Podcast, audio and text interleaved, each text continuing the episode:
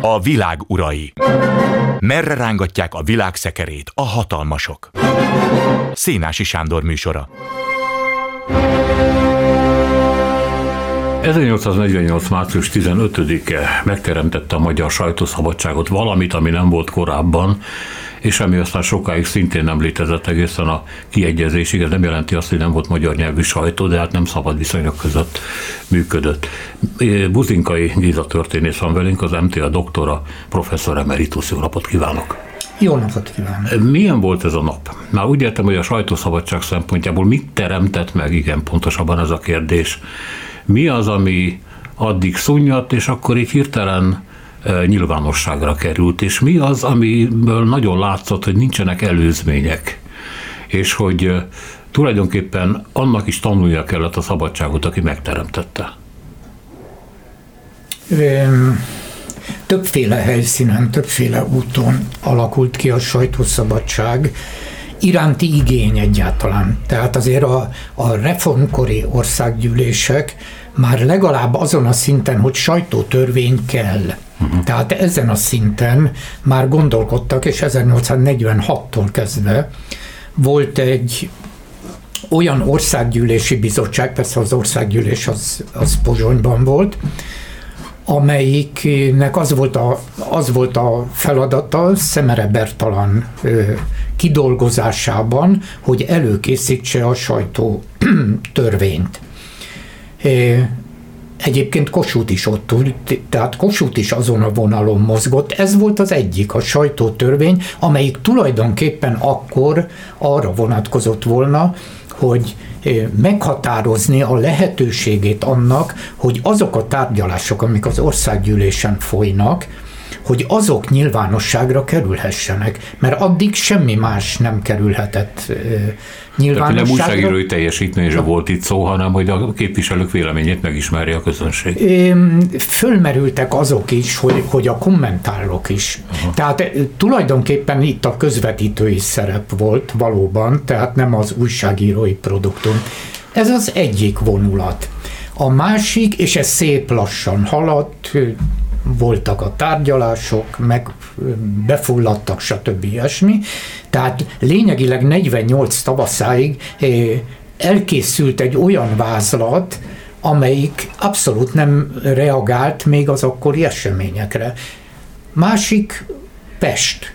És Pesten azok a fiatal írók, tehát Petőfi Jókai, és Vasvári és a többiek, akik a általában a Pilbaxba gyülekeztek március 15-én is, és akik megkonstruálták a 12 pontot, ahol már a sajtószabadság az első helyen szerepelt a követelések között. Ezek olyan fiatalok voltak, akik minnyáján, Irinyi is közte volt, nem említettem, akik mind konfrontálódtak már a cenzúrával. Tehát a sajtószabadságot lényegileg úgy képzelték el, hogy, hogy cenzúra nélküli Aha. szabad sajtó. Tehát szabadon elmondhatjuk a véleményünket, az ki lehet nyomtatni. A szemlélet az nagyon más volt, mert hát azért a, ennek a parttalan szabad sajtónak, tehát hogy hogy valaki, amit gondol vagy akar leírni, az rögtön nyilvánosságot is kapjon, hát azért ennek vannak buktatói. Ezt azóta tudjuk, ők még sokkal kevésbé tudták, mert hogy az, amit ők beleütköztek a cenzúrába. Tehát a nyilvánosság előtt ők a cenzúrával voltak kapcsolatban. Ha újságot írtak, vagy adtak ki, szerkesztettek bármi sajtóval kapcsolatos dolgot, hát akkor azok, azok általában rettentő alacsony példányszámú, tehát a nyilvánosságnak az a fogalma, amivel akár csak fél évszázaddal később találkozhatunk, hát az még nem létezett. Hát de sokkal később is még Ötvös József olyan egyszerűnek képzelte el a sajtótörvényt, azt mondta, hogy nem szabad hazudni. Pont. Jó napot kívánok. Igen. És hát bár ilyen egyszerű lenne a világ, igen. Hát pontosan. Tehát a, ez a a március 15-e és ezek az iskolai ünnepségek, amiket azóta is rendszeresen, nem azóta, mert az a századfordulótól kezdve lett ünnep, de szóval amit, amit végig az elmúlt században is produkáltunk, hát azért az, az erőteljes torzítás. Tehát a valóságban azért nem ilyen egyszerűen mentek a dolgok, nem ennyire nemes, ideális meggondolások és célok voltak. Március 15-e milyen sajtót szült? Hát a március 15-e című sajtó első. Igen. Tehát az március 19-én jelent meg. Egyébként nagyon fontos, hogy a beköszöntő vezércikke, abból azért egy-két mondatot elmondanék, Jó. rendkívül aktuális, természetesen úgy kezdődött, hogy polgártársak fölkiáltással, E lap a március 15-i nap dicső eseményeiből emelkedik fel. Mondja, tekintsünk körül, a láthatár háborgó tenger. A história a jelen évvel egy új időszak előcsarnokába lép. Általános mozgalom, E lap úgy tűnik fel, mint legszegényebb, legszerényebb zászló, mely az európai újjászületés ünnepélyes diadal menetéhez csatlakozik. Előttünk a tárgyak tengere, a kül- és belföld ősi szabadságával a vén Anglia, vezérzászlójával a szép Franciaország, Párizs, a civilizációrend nagymestere, előttünk a türelmében nagy sokára mégis kifáradt Németország, szomszédunkban a gyalázatosan megbukott Metternich politika, Itthon pedig annyi előszeretettel imádott fővárosunk, az ifjú Pest, melynek mindörökre virulnia kell, s mely hivatva van, hogy néhány év után az európai fővárosok sorába felvétessék. Mindezekben vezéreszménk lesz az, hogy Európában lakunk.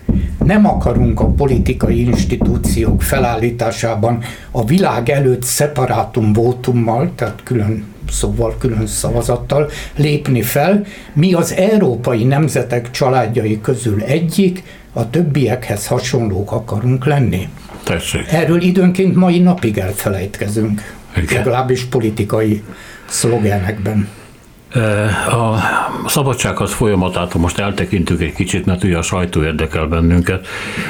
Mixát Kálmán a Jókai Mór élete és kora című könyvében ír arról, hogy tehát legalábbis a kiegyezésig, és talán még kicsit azon túl is, milyenek voltak a sajtófogyasztás szabályai vagy szokásai Magyarországon, és azt írta, hogy hát a vidéki úriember megrendelte a lapját, és az megérkezett hétfőn, kedden, szerdán, és ő szépen így letette ezeket. És akkor a hét végén elolvasta az egész heti adagot. Ami ugye azt jelentette, hogy nem a hírekre volt kíváncsi, vagy hírek nem is voltak olyan nagyon nagy bőséggel, hanem az olvasás élvezetében merült el, esetleg a kommentárokban, a stílusban, stb. Szóval nem volt ez a mohó hírfogyasztás, ami aztán később a monarchiát már jellemezte.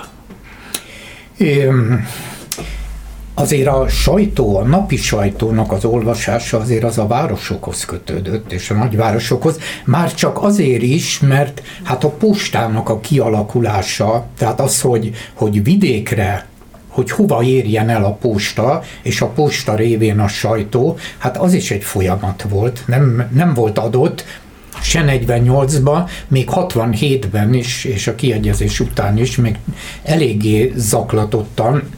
Tehát nem, volt, nem voltak napi postajáratok a vidéki területeken. Tehát a, aki meg tudta engedni magának, az a mondjuk földbirtokos, hogy beküldjön a, a sajtóért, de hát csak azért nem küldött be városba, de még a kisebb városokba se jutott el. Tehát e, az infrastruktúra a sajtófogyasztásához az, az e, lényegileg a század legvégére, 19. század legvégére e, alakult ki olyan formában, amit már rendszere, ami lehetővé tette a rendszeres sajtófogyasztás, de az is, hát Erdélyben egészen mások voltak a viszonyok, és ahol a földrajz, vagy a felvidéken, Tehát a, a nagyon hegyes utak nélkül levő, nagyon nehezen megközelíthető helyek, hát oda, oda vagy tudtak valakit küldeni be a, a legközelebbi városba, vagy pedig sajtó nélkül maradtak, illetve heti adagokba tudták összegyűjteni. Mert hogy azt szokták mondani, hogy az olvasót is nevelni kell, tehát rászoktatni a modern hírfogyasztásra, és mm. hogy, hogy mondjam, csak a napi reakcióba beépüljön az a tudás, amit a politika világából hoz, hogy akkor reagálhasson arra, hogy a képviselője mit beszél a parlamentben, vagy hogy a következő választáson melyik párt felé tendál. Szóval az olvasó irányítva van. De még nem alakult ki a tömegkultúrának az a formája, amiben a legtöbb olvasni tudó emberhez eljut a sajtó, Hát addig az olvasó nevelésről se lehet nagyon sokat elmondani, nem? Hát, hát a legkorábbi megbízható, tehát statisztikailag értékelhető adat a magyarországi írás-olvasási analfabetizmus szintjéről, az, az 1870-es évek elejéről származik, ha jól emlékszem 72-ből, Na most akkor az egész országot tekintve éppen csak, hogy meghaladta az 50 ot de például Erdélyben... Az írni, olvasni tudok írni, száma. olvasni tudok száma. Uh-huh. Na most ez nagyon erősen befolyásolja a sajtó fogyasztását, a sajtó eljutásának a lehetőségét. Tehát európai mércével mérhető, már viszonylag nagyobb írni, olvasni tudás, az, az a századfordulón, 20. században jelent csak meg. Mi jellemezte a korabeli magyar sajtót? Mert egy dologra emlékszem, amit mindig meg szoktak említeni, azzal a folyamattal kapcsolatban, amikor a korszerű magyar sajtó, hogy mi mondanám most média kialakult, az a meglehetősen erős irodalmi vonulat. Ebben van valami keleti, ezt szokták mondani, mert például az orosz ö, ö, újságokat is ö, hát kispénzű költők, írók, intellektuelek írták, tehát nem föltétlenül az a, az a sajtómunkás, akinek később ez dolog munka, bérmunka uh-huh. adott esetben, hanem nagyon is jótóló emberek. Tehát ez a irodalmias vonulat, ez érzékelhető volt-e 67 után? Ez, ez hogy, hogy a keletiekkel, keleties tulajdonság lenne ez, ez egyszerűen csak annyiban helytálló, hogy minnyáján, tehát az orosz sajtó is a párizsitól, és a, a, a francia és elsősorban a párizsi sajtótól vette át ezt a fajta mentalitást. Tehát a 19. századnak legalább a közepéig, de inkább a, a kétharmad részébe Párizs mindent tarolt mint mintakép. Uh-huh. Na most ez a, ez a, hogy meg kell formálni íróilag, meg, és hogy írói ambíciókkal rendelkező emberek írják a sajtót, ez egy nagyon erősen francia. Nálunk eh, pedig a francia Bécsen keresztül érkező, hát Bécsbe hasonló eh, hatása volt a francia újságírásnak. Tehát az a fajta eh,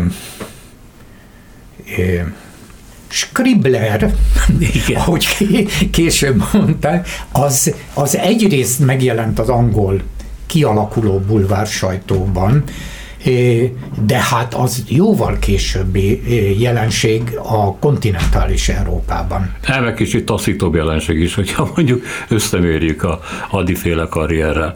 Hát igen, az, az gondolom, hogy nagyon másként nézhetett ki egy akkori napilap mondjuk, mint amit mi megszoktunk a mi életünkben, mert szintén Mixát írja, hogy a jókai regények legtöbbje, vagy legalábbis az első periódusban, azok folytatásban jelentek meg a sajtóban, a napi sajtóban, és volt, amikor több regénye is futott különféle napilapokban. Ennek következtében már eleve az olvasók kaptak egy ilyen irodalmi csemegét is, de ott voltak mondjuk olyan műfajok, mint a tárca, ami aztán kipusztult a magyar sajtóból, de akkor még űzték nyugodtan.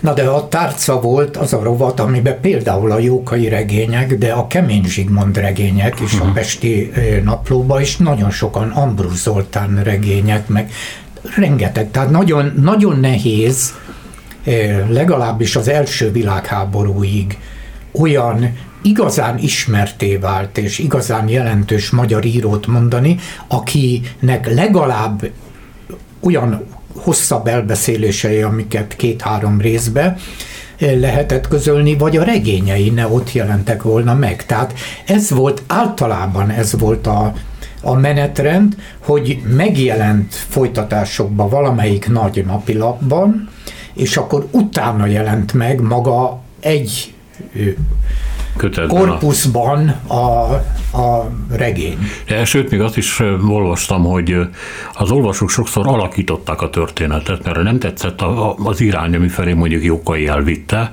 akkor dühösen beírtak, és akkor a szerkesztő mondta az írónak, hogy hát próbáljon valamit csinálni, mert itt paraszlázatás van, és akkor Jókai kicsit módosított. Úgyhogy sokan írták azt a regényt, ahogy veszünk.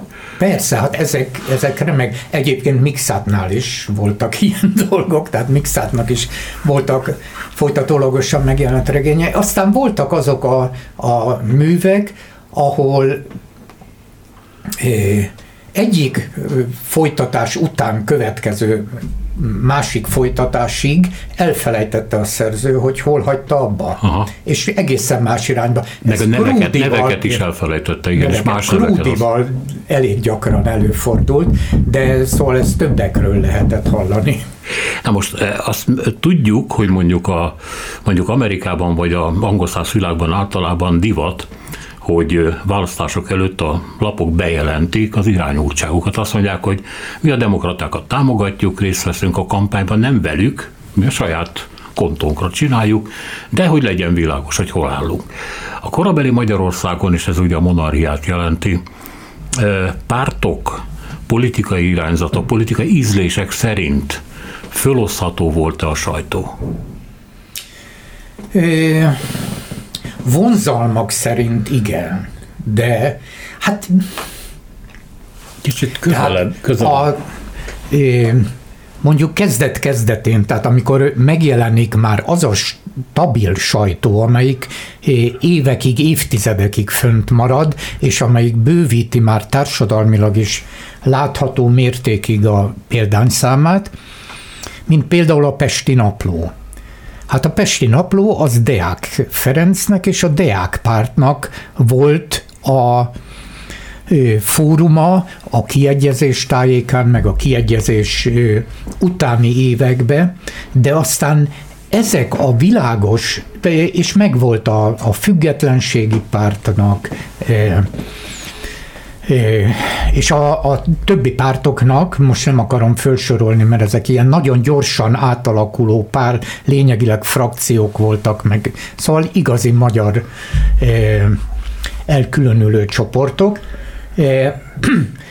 Tisza Kálmán hatalomra jutása után, tehát amikor 1875-től kezdve ő lett a miniszterelnök 15 évre, na az alatt az idő alatt stabilizálódott, de bizonyos mértékig, tehát kevés olyan lap volt, amelyik amelyik nagyon kihívóan egy párthoz csatlakozott, ugyanis az a publicitásának a kárára ment.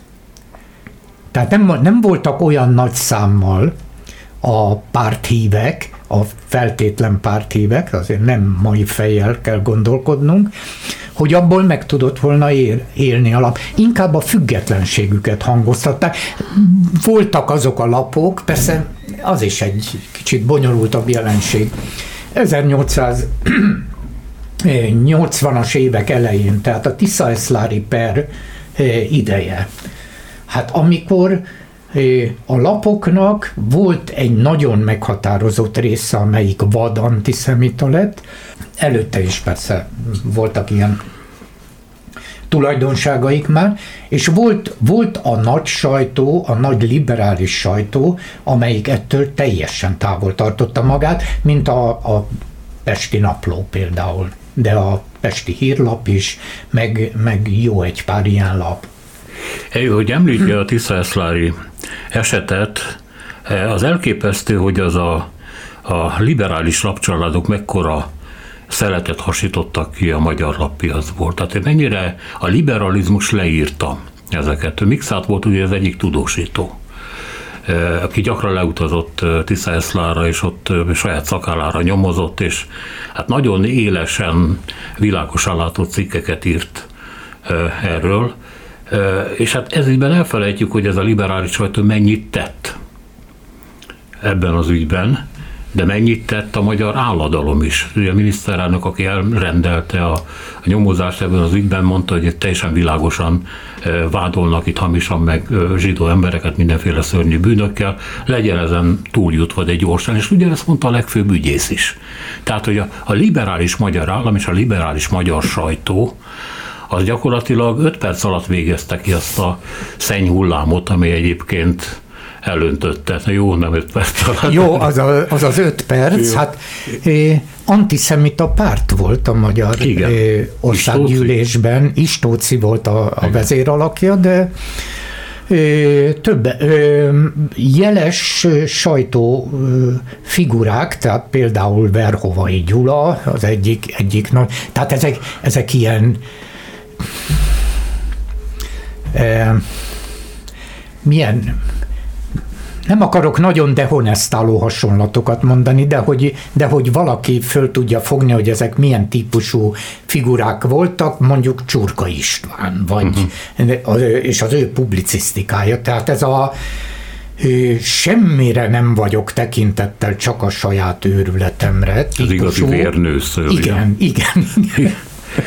Jó, csak hogy ez a, azért fontos, mert ez a magyar sajtónak egy ilyen kitüntetett pillanata azért, amikor amikor nagyon európai módon viselkedik az államaparátus, a politikai hatalom és a sajtó. És ez három olyan nagy erő, ami azért nagyon-nagyon keményen befolyásolta akkor a közvéleményt és a lehető legjobb irányba. Ezt nem mindig mondhatjuk el, nem minden korszakunkról. Hát nem. De hát ne felejtsük el, hogy azért ez az országos sajtóra vonatkozik. Igen, igen. Tehát nem, tehát, és a országos politikai közvélemény lényegileg hát 80, 1883-ban volt a Tisza-Eszlári per, de hát egészen a következő parlamenti ciklusig, tehát nyolc antiszemita képviselő volt ebbe az időbe a magyar parlamentbe, tehát ez aránylag fölfutott ez a propaganda, a, és nem csak Tisza-Eszlár környékén és ezen a észak-kelet magyarországi területen, hanem Len Somogy megyébe meg. Tehát a, az országot elég rendesen behálózta ez a mozgalom, és még a következő parlamenti ciklusban is, és attól kezdve fogyott, tehát a 80-as évek végére már nem volt. Lényegileg nem volt képviselő, tehát megszűnt a, a frakció, és megszűnt a, ennek a propagandának a hatása, de ez, ez nagyon centrálisan tehát az országos sajtóban, a magyar parlamentben, a magyar miniszterelnök által képviselt európai mm,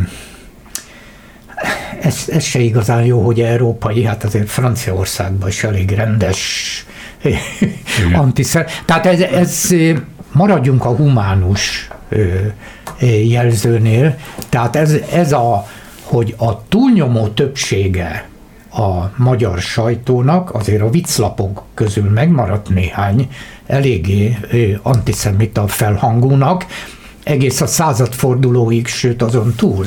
Úgyhogy Úgyhogy ez különböző hajszálereken azért ez, ez a magyar társadalomban, mint ahogy azért, azért különböző adott alkalmakkor, mint például az első világháborút követően, vagy hát azért a, a horti rendszerben is elég erőteljesen élő, meg hát azért a rendszerváltás után is fölföltűnedeztek.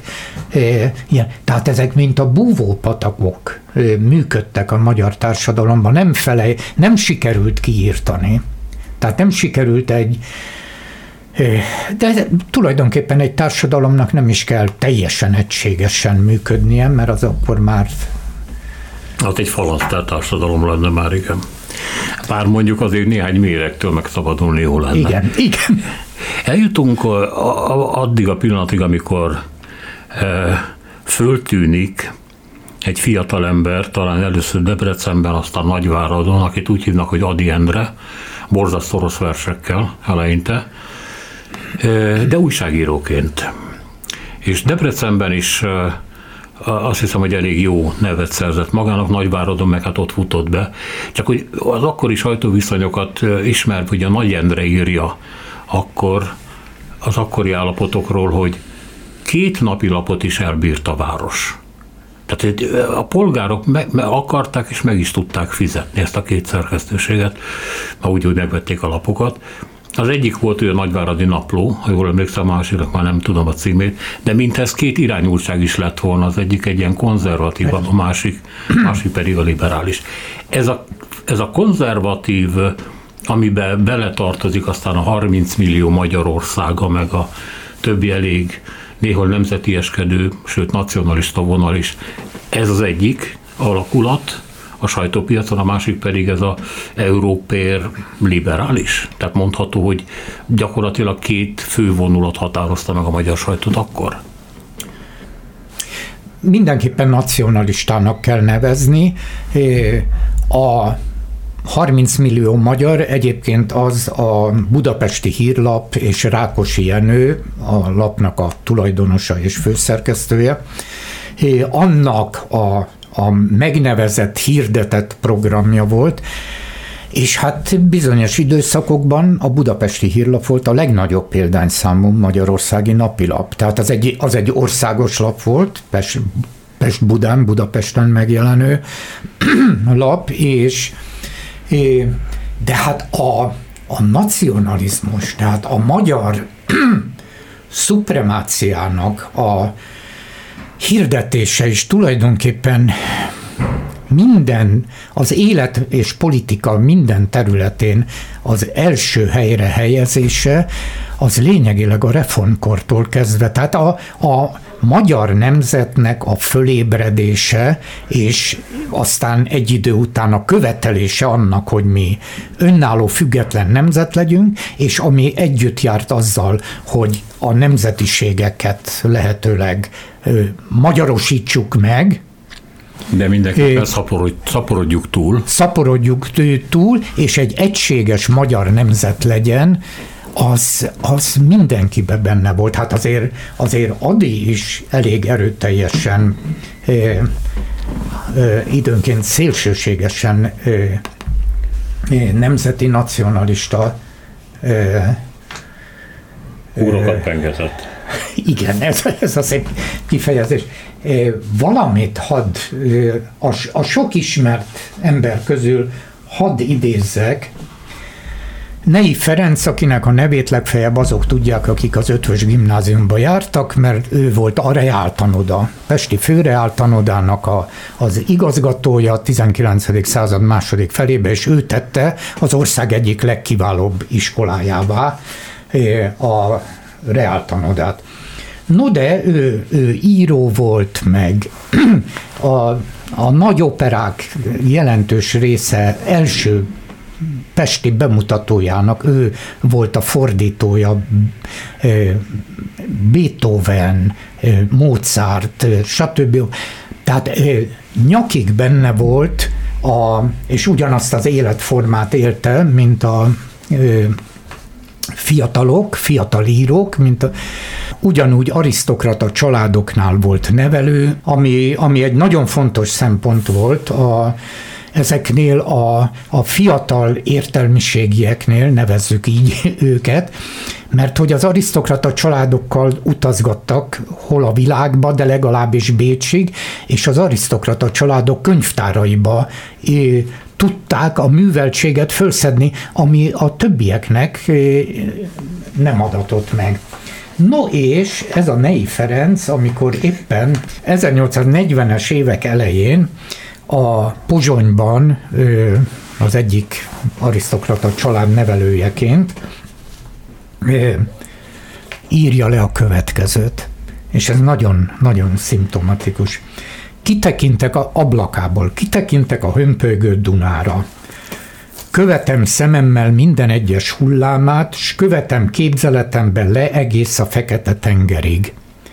Vaj, ha most is elvihetné oda ábrándos vágyamat, s vaj, ha e vágyam elevenítőleg hatna minden kavicsra, minden homokszemre, hogy belőlük lábra kelne mindenütt egy-egy magyar ember, elkezdve itt Pozsonyba, le egész Várnáig, mi csodás világ kellene ábrándos vágyaim nyomán. Aztán. Magyarság mindenütt, ameddig a hajdani magyar birodalom terjed. És ez az 1840-es év.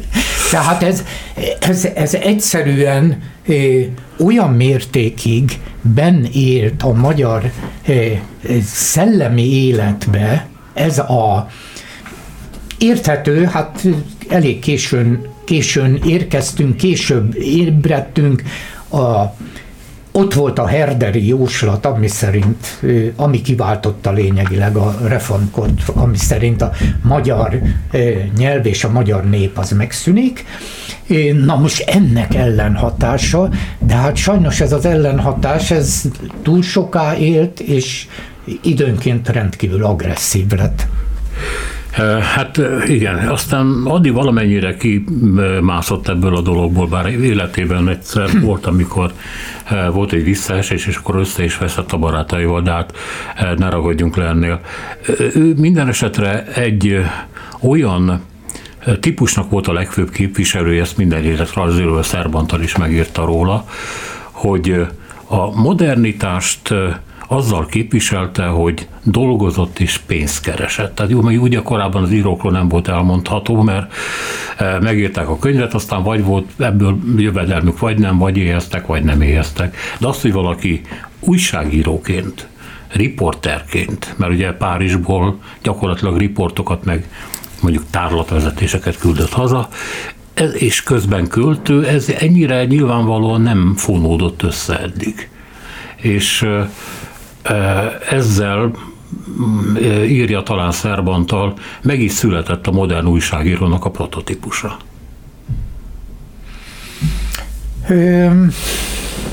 Szóval ez ilyen formában nem Adival kezdődött el, hát azért például, ha már Mixát Kálmánt vettük, Igen. hát Mixát Kálmán is jelentős részben Persze azoknál összefüggött az, hogy, hogy országgyűlési képviselő volt, tehát, tehát az, a, az az egyik, de hát az országgyűlési képviselőség akkor nem pénzzel járt, hanem költeni kellett arra a, a képviselőnek.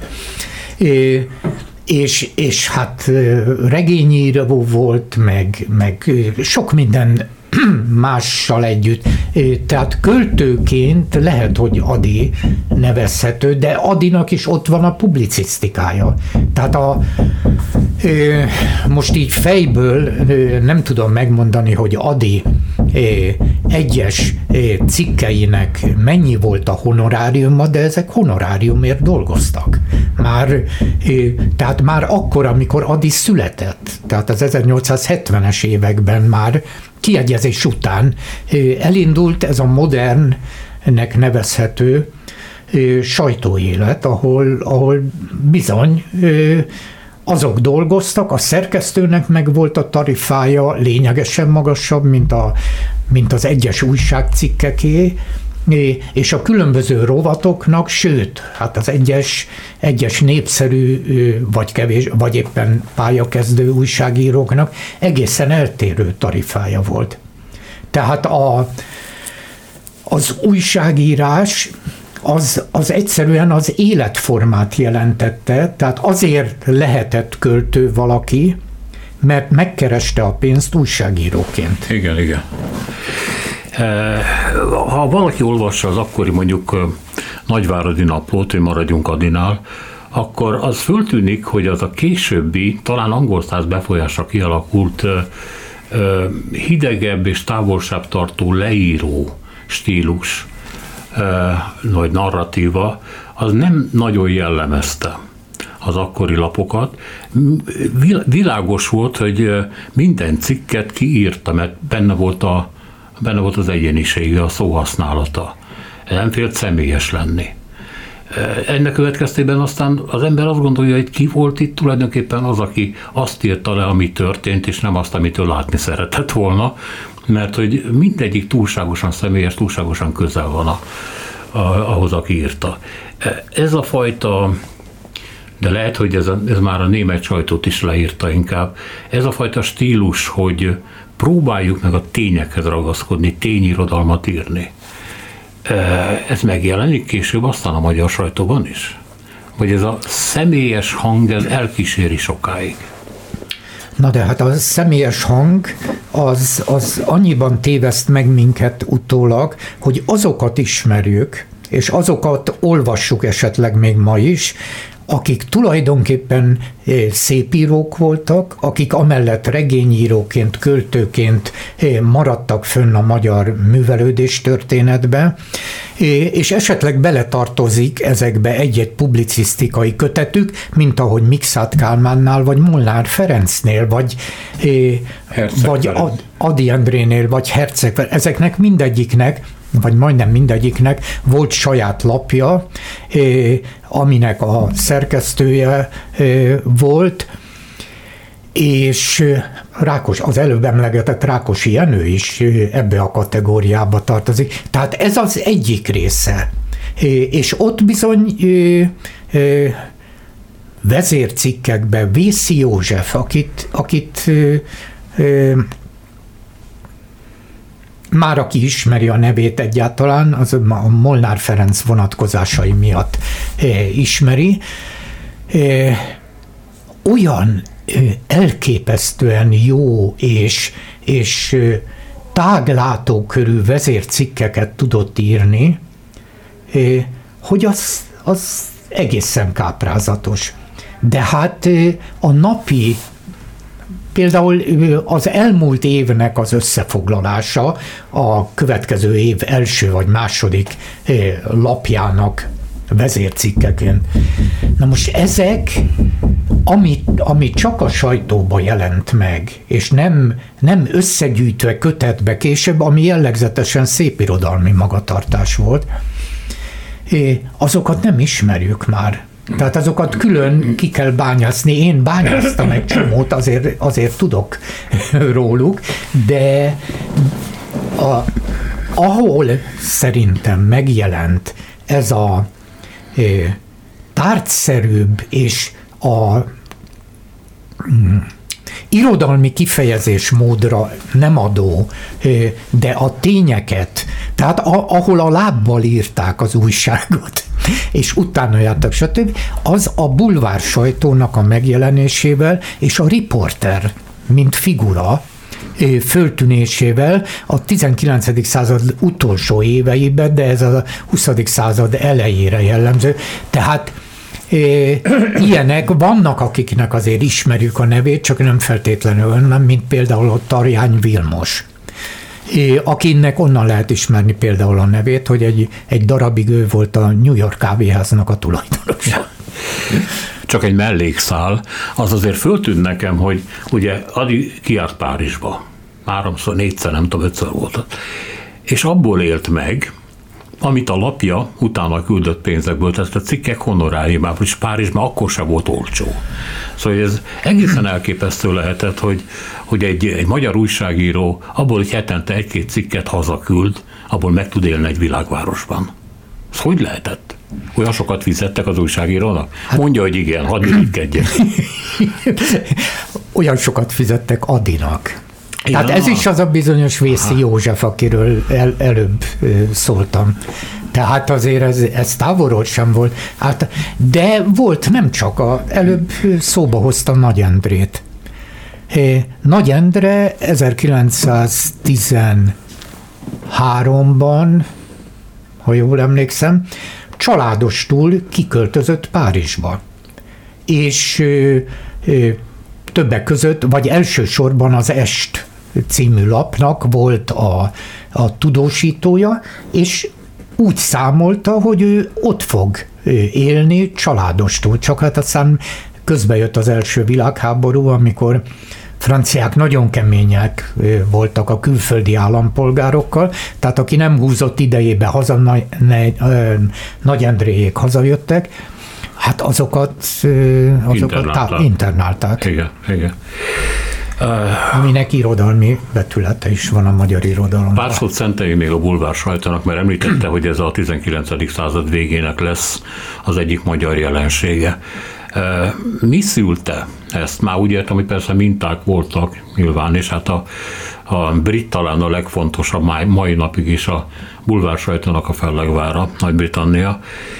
Ez azonban Magyarországon, mint a úgy jelent volna meg, hogy ilyen revolver lapok hogy mondjam, csak terjesztésében, amiben nem az volt a lényeg, hogy mit írnak meg, hanem hogy mit nem.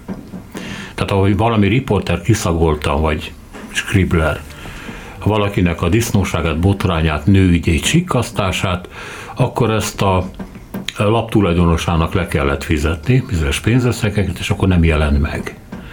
De gondolom azért önmagában így ezzel még nem írtjuk le a tabloid sajtót.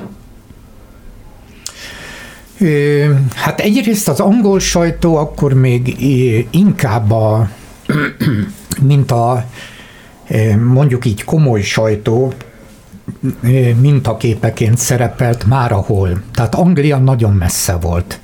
A bulvár sajtó is Párizsból ered. Az is. És az, az is francia mintára, Aha. persze. Tehát azt, azt igyekeztek utánozni, és másrészt ez a, a időnként beleszólt ez a, a politikai turbulencia is, tehát a, előbb említettem Verhovai Gyulát, hát az ennek a revolveres újságíró típusnak éppen az 1880-as évek tájékán az egyik é, é, alapítója, vagy nem tudom minek tehát egyik első markáns figurája volt.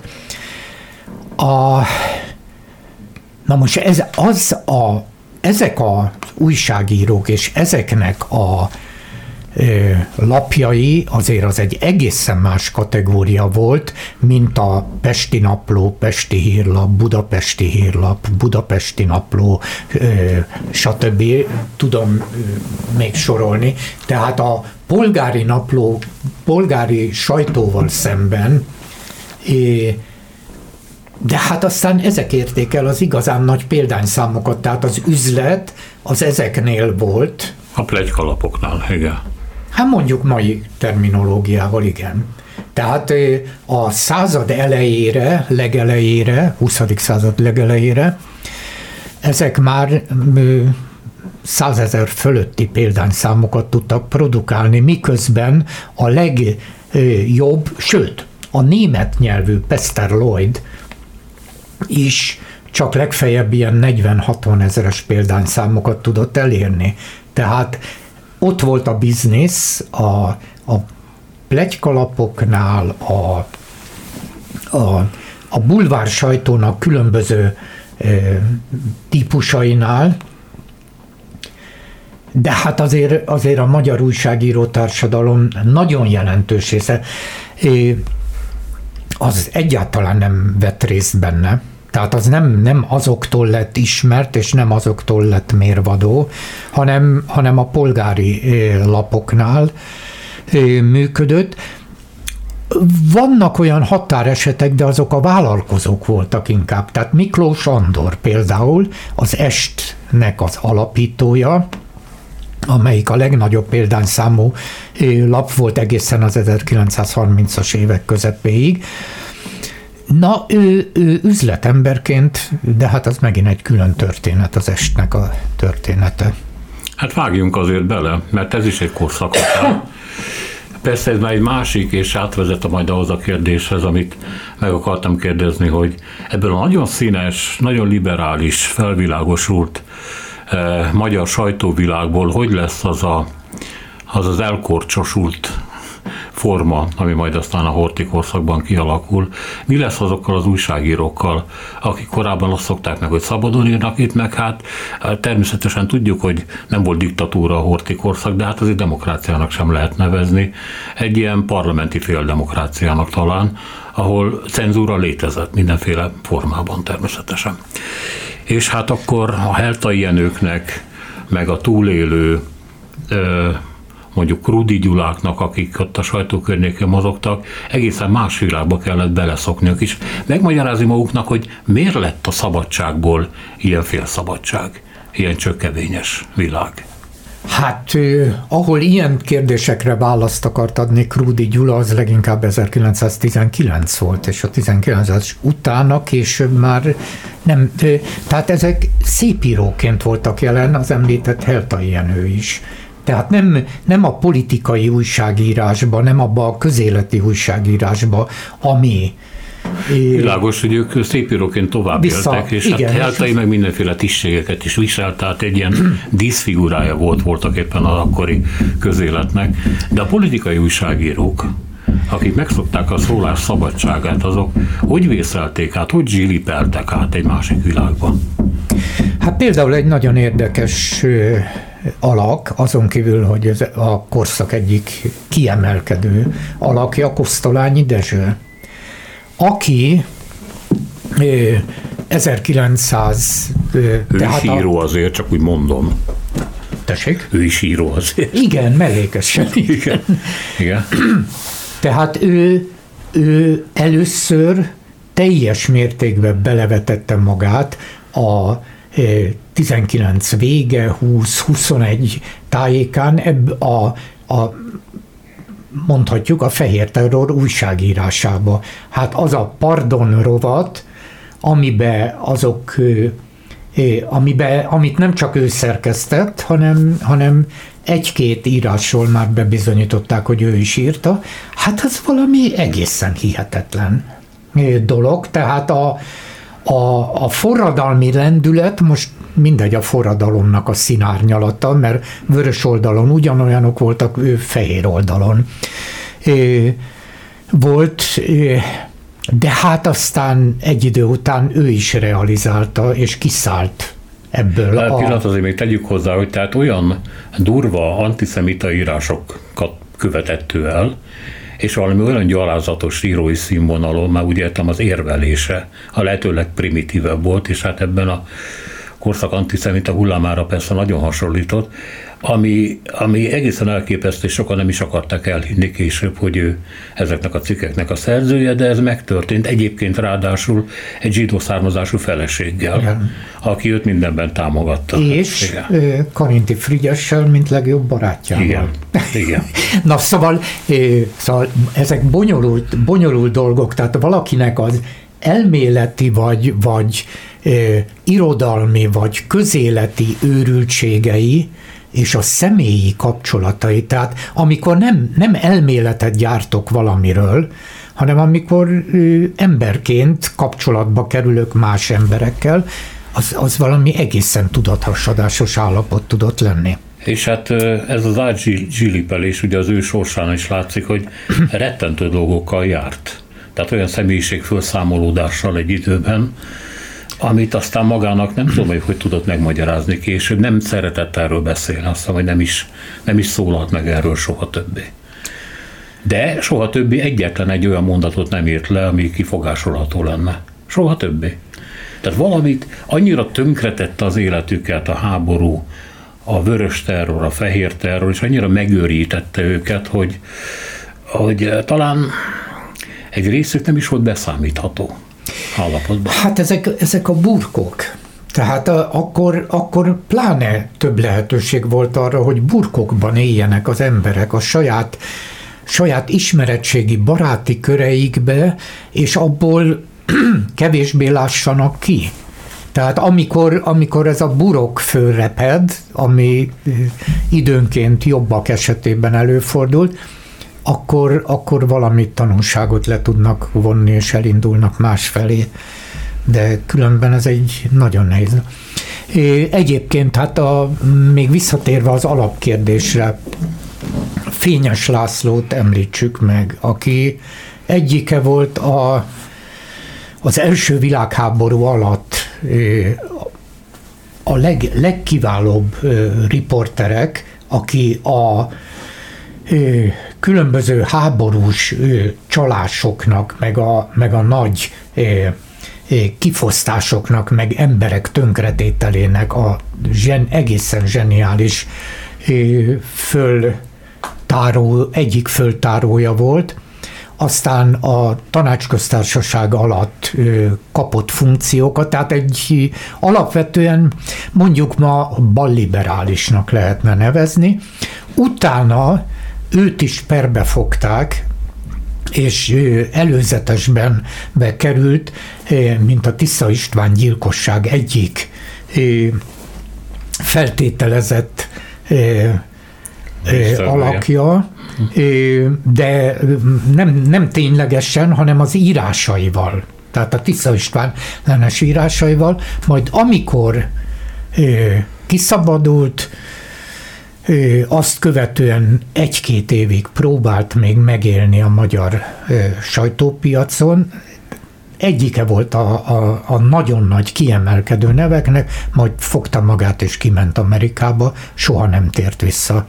És nem ő volt az egyetlen, csak ő, őt azért, azért viszonylag lehet még ismerni.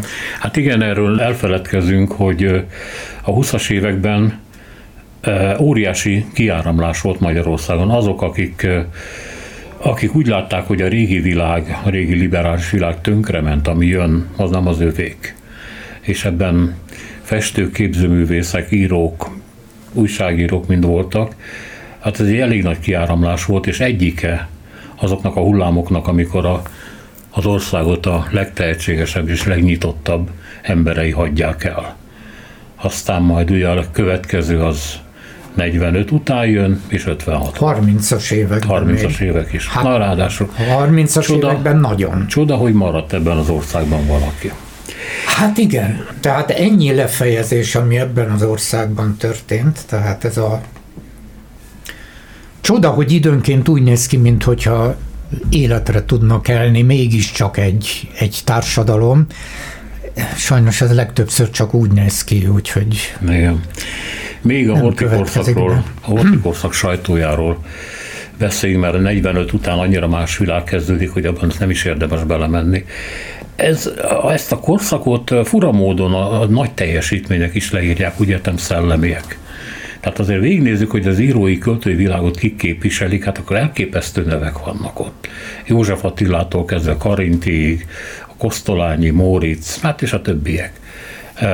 Az úgynevezett másodvonal, a kismesterek is egy Maszlányi Károly, már azok is egy nagyon-nagyon nagy nevek. Az újságírásban belül ez milyen időszaknak számított? A újságírói teljesítmények létezhettek ebben a korban?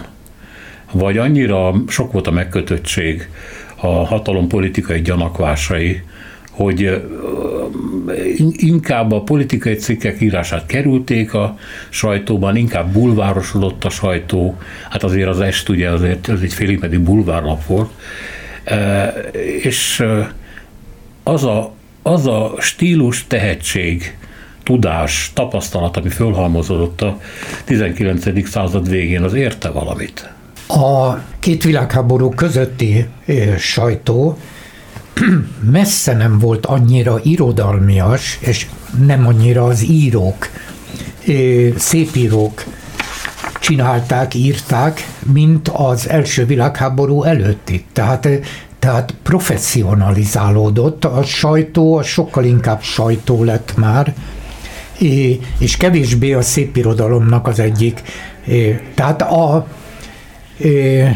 kisebb térre szorult vissza a tárca rovat, ez a általában az első oldalon kezdődött, és aztán további oldalakon is vagy folytatódott, vagy nem, ahova a úti beszámolók, szépirodalom, folytatólagos regények, egyéb ilyenek kerültek. Na ez, ez nagyon visszaszorult. Tehát egészen más lett a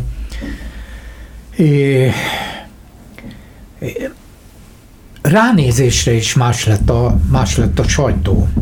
Tehát sokkal több volt már benne a viszonylag rövidebb írás, ami azt jelenti, hogy információ. Tehát az információnak a súlya nőtt meg, Na most ez az információ persze együtt járt a véleménnyel is, a markáns véleménnyel is, de nem olyan, hogy kifejezetten vélemény cikk, és csak vélemény a tény az információ nélkül, hanem, hanem a, az információba elrejtve a vélemény vagy a, a beállítás.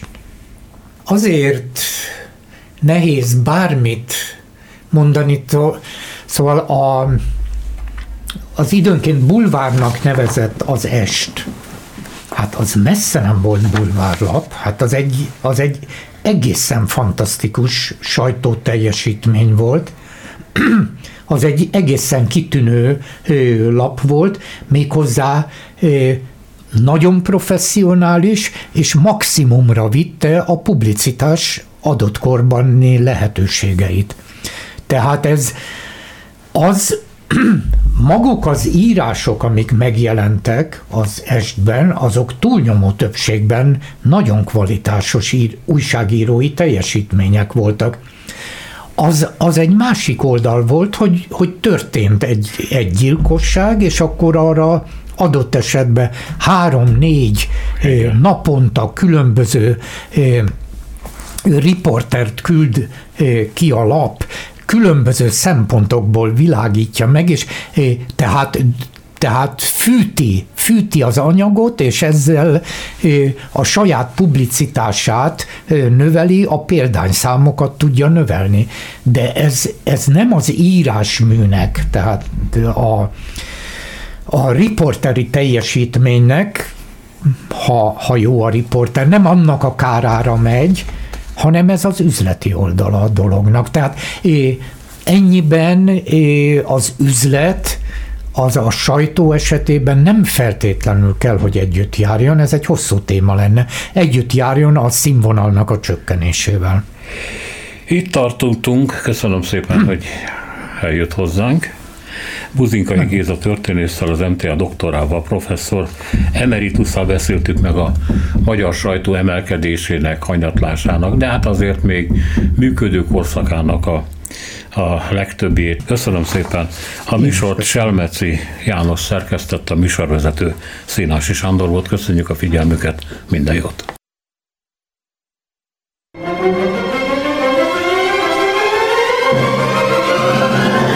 A Világ Urai című műsorunkat és Szénási Sándor műsorvezetőt hallották.